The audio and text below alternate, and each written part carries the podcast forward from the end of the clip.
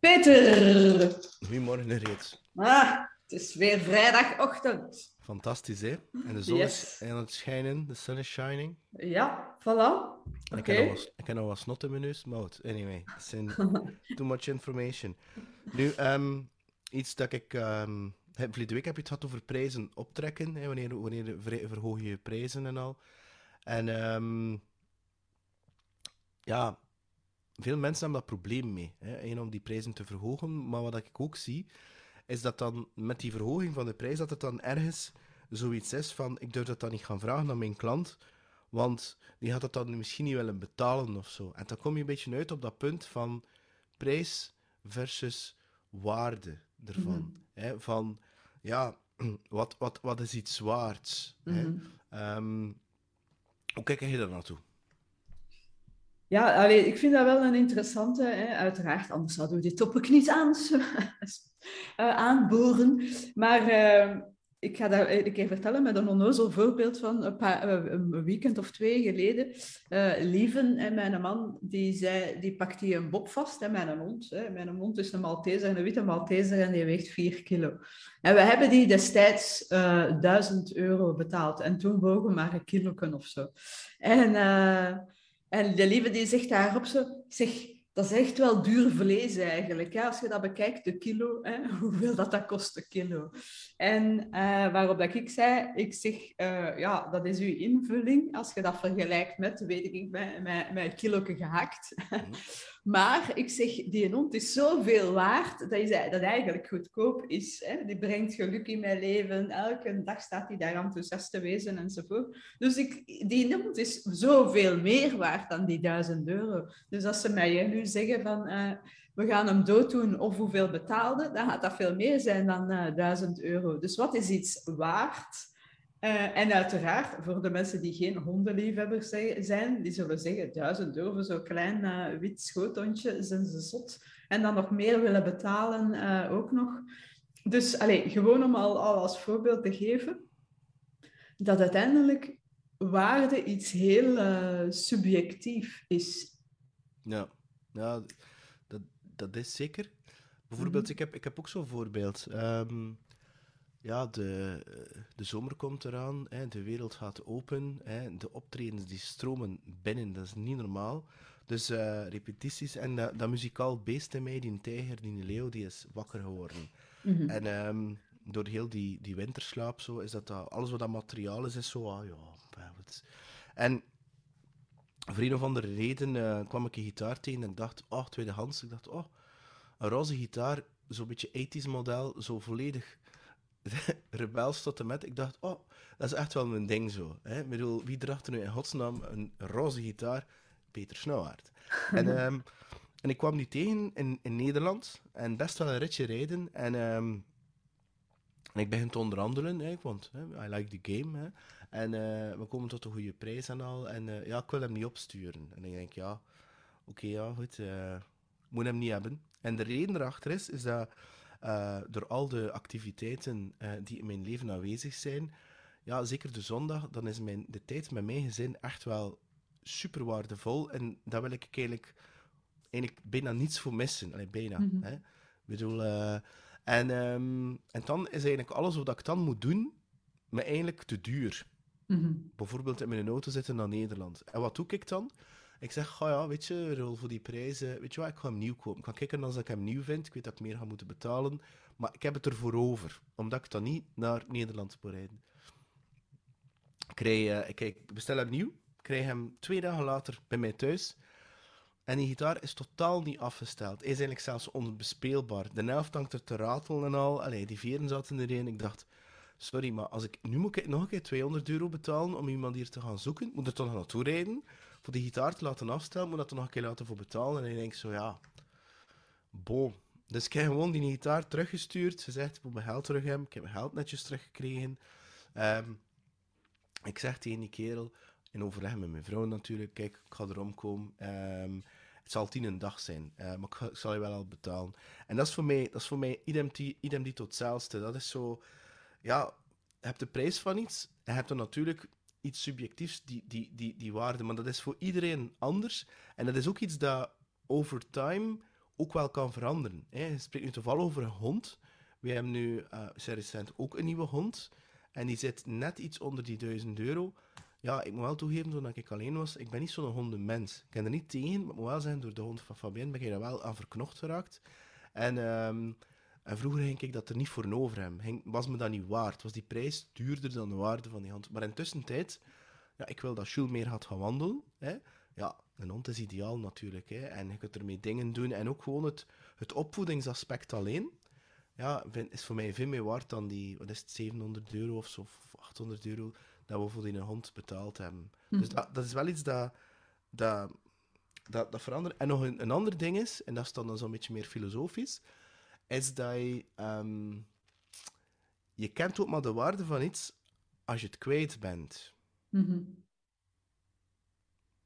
Soms nemen we bepaalde dingen in ons leven, dat kunnen materiële zaken zijn, maar ook andere dingen zijn, die dat je gewoon denkt, ja, maar is me dat waard totdat je het kwijt bent. En hij denkt, hmm. Ja. Hè? Hm.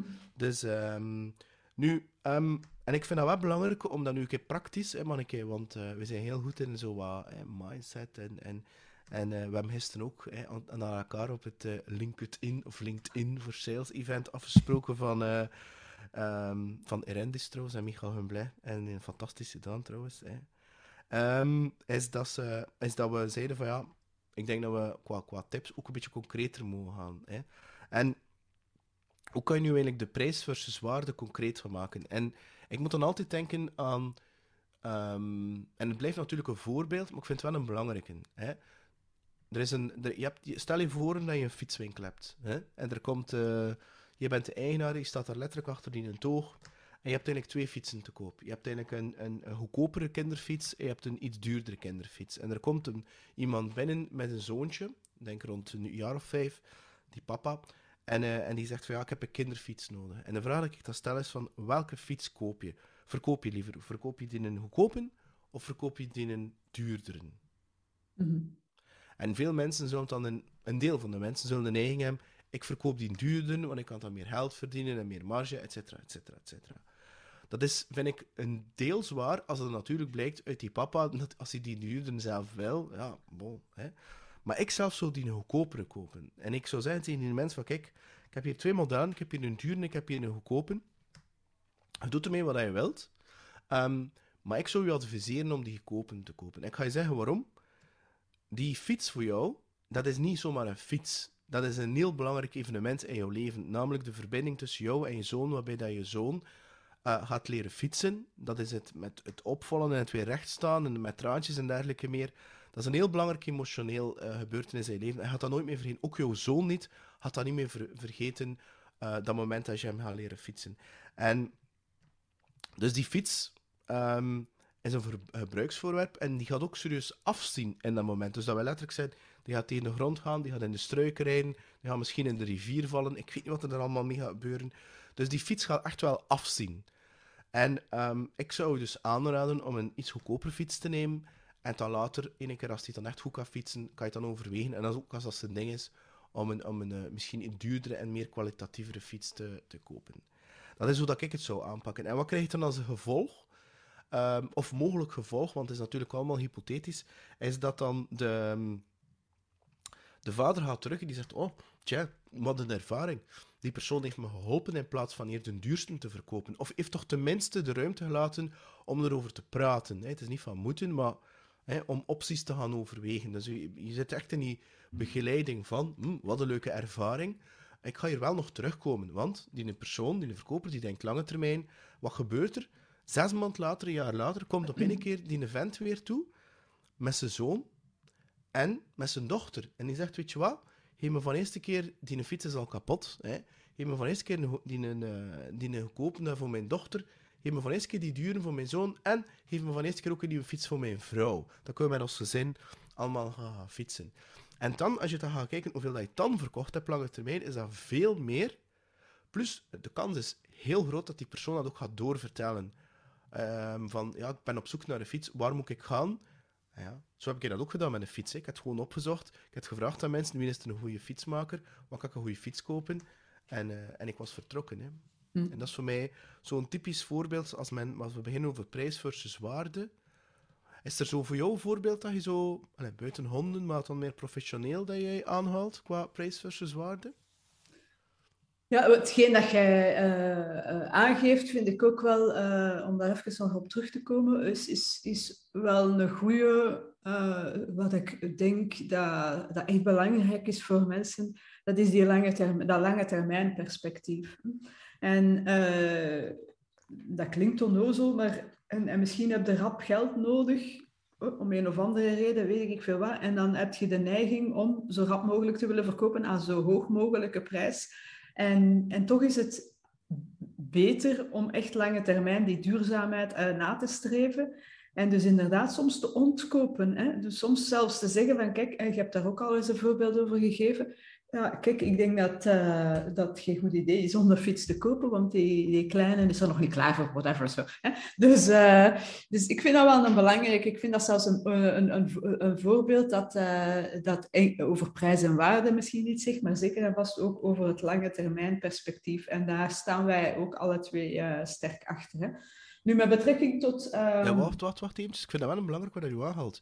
Ik...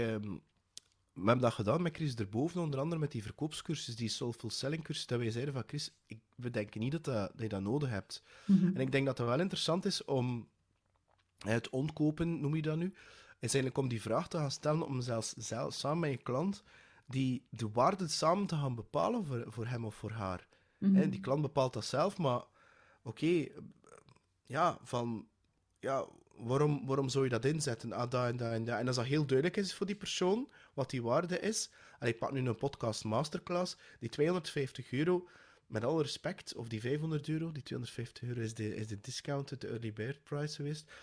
Ik vind dat echt niks. Als ik zie hoeveel tijd en hoeveel struggles en al die dingen en hoeveel uren dat je daarin gestoken hebt om al die in een bazaar te gaan uitzoeken, ja, bon, koop dan een cursus en, uh, en in no time je dat terugverdient. En, en, en, en, gewoon in tijd. Dus hij zegt, ja, tijd is voor mij, uh, pff, maakt me niet uit. En dat vind ik wel, dat vind ik wel een hele goede hoe dat nu aanhaalt. Ja, ja allee, en, dat is het, en dat is het ook. Hè. Dus uiteindelijk, we hebben daar net al gezegd, waarde is iets subjectief.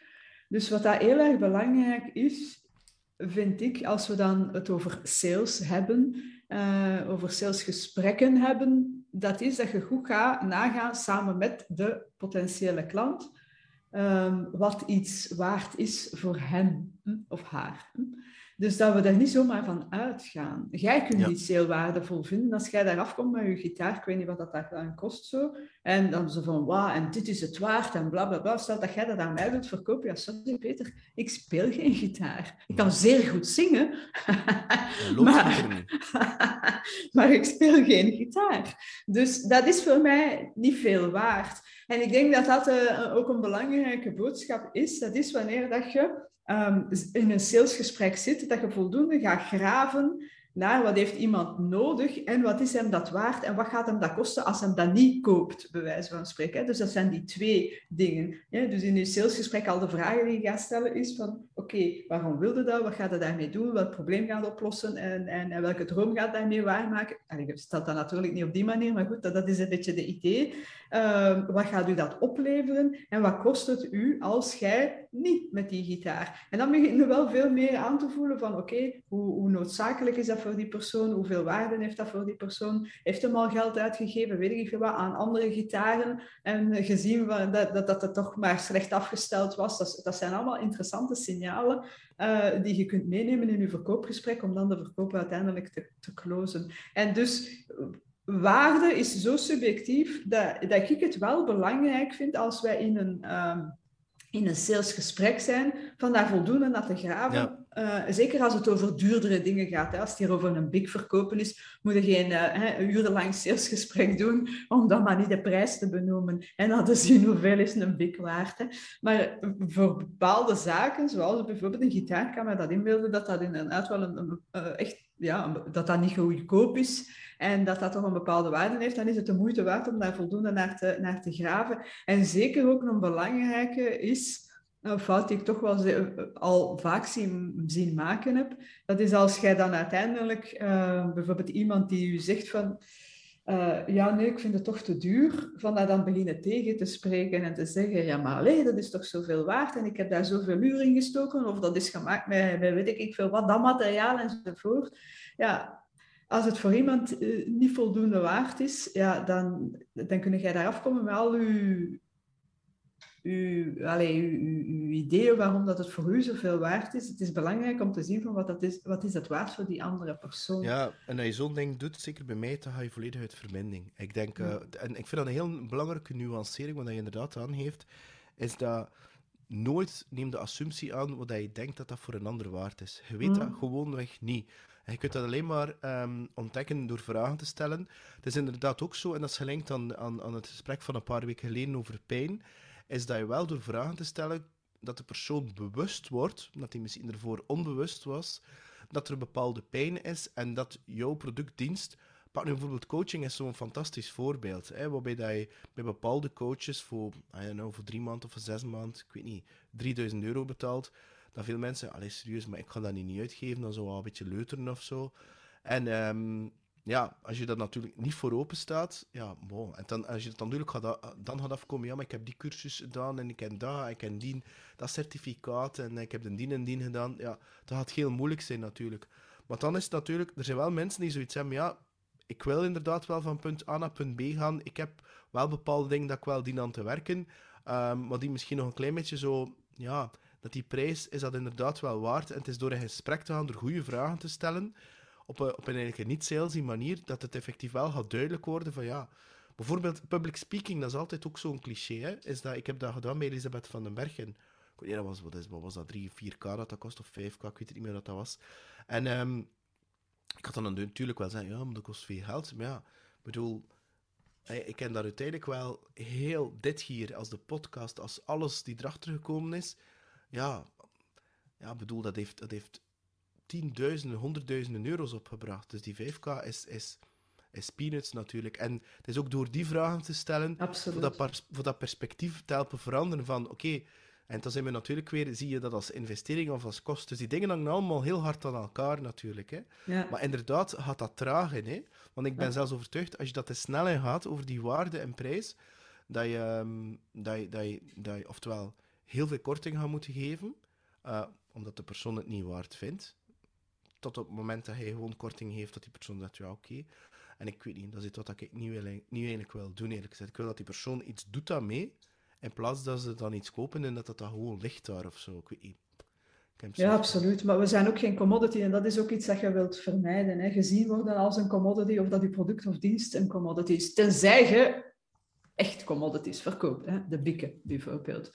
Uh, maar dan nog altijd is het van, wat kunnen, uh, wat kunnen doen om het minder te laten zien als een, als een gewoon uh, ja, commodity. Hè. Ik weet niet wat dat eigenlijk de, de vertaling daarvan is. Het is, ik denk, wat levert het u op? Het, toeval wilt, en there's no such thing as coincidence. Deze nacht heb ik gedroomd over ons Fabina, die jij ook kent. En ik had gedroomd dat zij mij een massage wilde geven. Hè. Dus, die geeft massages, zeer goede massages trouwens. En dat ze mij gezegd had, ah, dat is dan 1000 euro voor een massage. dat heb ik gedroomd. Waarop dat ik zei, maar zeg, dat is toch veel te veel, veel te veel geld. Ik wil dat daar nu niet aan geven, 1000 euro voor een massage. Ik kan dat daar nu niet aan geven. Waarop dat dan haar argument was in mijn droom. Ah, maar jij bent toch de dochter van een dokter, dus jij moet dat toch kunnen betalen. een totaal absurd, uh, absurd gesprek. Maar die link, allez, het is nu een beetje een absurd gesprek, maar ook hier weer uh, is dat een, een, een, goed voorbeeld van wat is die massage waard? En waarmee ga je vergelijken? Ja, ik heb hier misschien om, op de noek ook een, een kinesist die mij voor, I don't know, voor 100 euro misschien kan uh, masseren. Ja, dan is 1000 euro wel, wel veel. Tenzij dat die massage zeer, zeer speciaal is van dingen en van uh, Fabine. En de tweede vraag is natuurlijk, wat levert het u op? Stel dat de magic hands van uh, Fabine ervoor zorgen dat ik uh, nooit meer rugpijn heb. En als ik daar, ik heb dat niet, hè, maar goed. Stel dat ik daar dag in dag uit mee, mee last van heb, van die rugpijn, waardoor dat mijn energie weggaat, waardoor dat ik op het einde van de dag een vod ben, waardoor dat ik slecht gezind rondloop en weet ik veel wat. En stel dat door die magic hands uh, in één sessie 1000 euro mijn rugpijn voor de rest van mijn leven weg is, ja, dan is het misschien wel die 1000 euro waard. Hè? Dus, en, dat, en zo heb je heel veel voorbeelden, meer, meer absurde voorbeelden en, en, en, en, en realistische voorbeelden, uh, waarbij dat nog eens aangetoond wordt van één, het, is iets, het, lijkt iets, uh, ja, het is natuurlijk iets subjectief, maar hoe belangrijk dat het is om, daar, om, om goed te gaan graven, om te zien van wat is iets waard. Uh, zeker in een salesgesprek. Ja, maar ik vind dat wel een belangrijk wat je zegt. Het is zo van die mensen die zo denken... Ehm, het, het, is, is nu echt wel een beetje kort door de bocht, maar ze zien een ondernemer of onderneemster en ze nemen de assumptie aan, die rijdt met een grote auto en uh, die, die, die I don't know, pak dat dat van die ondernemers zijn die zo over het miljoen euro omzet zitten per jaar. Hoe, hoe komt dat je dat weet? Ze zeggen dat op het internet of het een of ander, weet ik veel wat. En toen kom je eraf met je product. Ja, maar je kan het toch betalen, want je doet zoveel omzet. Dat is zoiets... Dat is, again, niet aan jou om te gaan bepalen, omdat die mensen dat geld hebben, dat ze dat aan jou zouden geven. En er is nog een ander ding dat ik ook wel aan toevoegen om het praktisch te maken. Um, ik had van de week nog een podcast opnemen en, um, en die persoon begon over high-end coaching. Het is niet omdat je iets high-end noemt dat het automatisch veel waard is. Dat is zoiets, bij mij werkt dat persoonlijk. Ja, dat is een high-end gitaar. Ja, en? Ik zal ik wel voor mezelf bepalen als dat dat high-end is. Dus dat zo... Ja, je mag je dat dan 5000 euro aan, als een tag kan geven, maar... En natuurlijk was dat dan proberen met schaarste en het is dan gemaakt in een of ander slangenhout of weet ik veel wat toestand. Maar um, dat is ook zoiets zo van ja, je kunt je dat wel zeggen dat het high-end is. Ik, dat vind ik een heel gevaarlijke. Zo, dingen high-end, ja, dat is high-end software. Serieus, allee, come on. Bedoel... Ja, ik heb daar een beetje een allergie aan zelfs. Hè. Dat, is, dat is dan misschien innerlijk werk dat ik moet doen om te zien waarom dat ik daar een allergie aan heb. Maar als mensen afkomen met van, ja, ik, uh, ik, ik, ik, uh, ik ben een business coach en ik begeleid uh, vrouwelijke ondernemers die hogere studies hebben gedaan dankzij mijn high-end coaching. Oh, echt, ja, dat is echt bij mij Oef, daar heb ik echt geen goesting voor. Ja, nee. Ja. Dat je een marktgroep uitkiest, een targetgroep uitkiest, dat snap ik wel en dat je die duidelijk uitspreekt. Ja, ja, dat is iets anders, uh... uiteraard. En je mocht ook de die nemen. Hè? En veel mensen zullen daar dan ook wel zeggen van, oh ja, maar ik ben een vrouwelijke ondernemer die verder gestudeerd heeft. Ik wil die high-end coach, want ik ben het waard. Hè?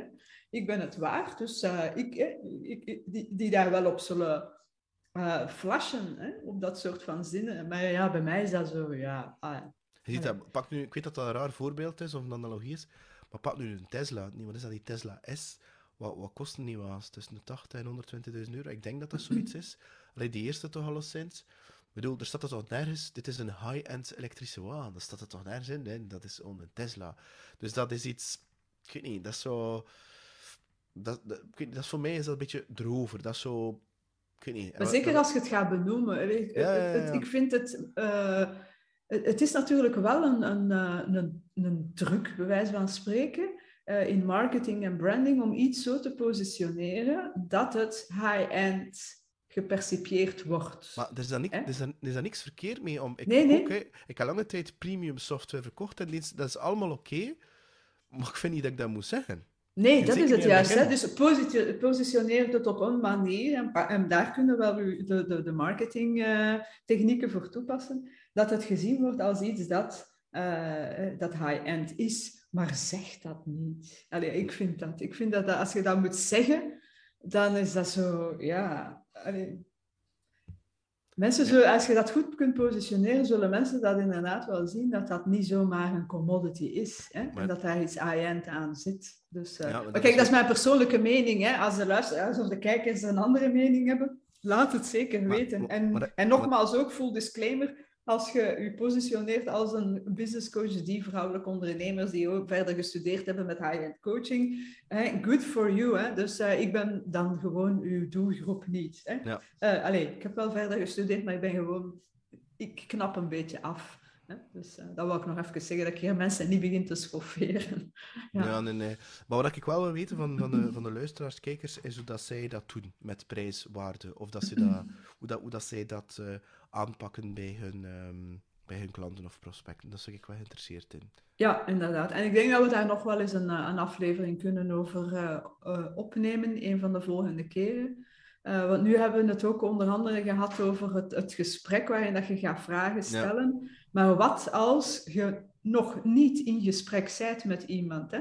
Dus hoe zorg je ervoor dat als, uh, dat al, als mensen op zoek zijn naar een product of een dienst zoals dat van jou, dat ze jou in het vizier krijgen en je product in het vizier krijgen en dat ze het gevoel hebben van, ah, dat wil ik. Hè? Want dat is mij het waard. Hè? Dus als je dat op je website hebt staan, zelfs met een prijs erbij, hoe, kunnen we dat dan doen zodat uh, mensen zien van, ja, dat is het waard, hè? die prijs. Uh, en dan zitten we meer in de copywriting, marketing technieken en sales technieken natuurlijk, maar dan de geschreven technieken, ja. wat ook wel een interessante is. Maar dat is voor een andere keer.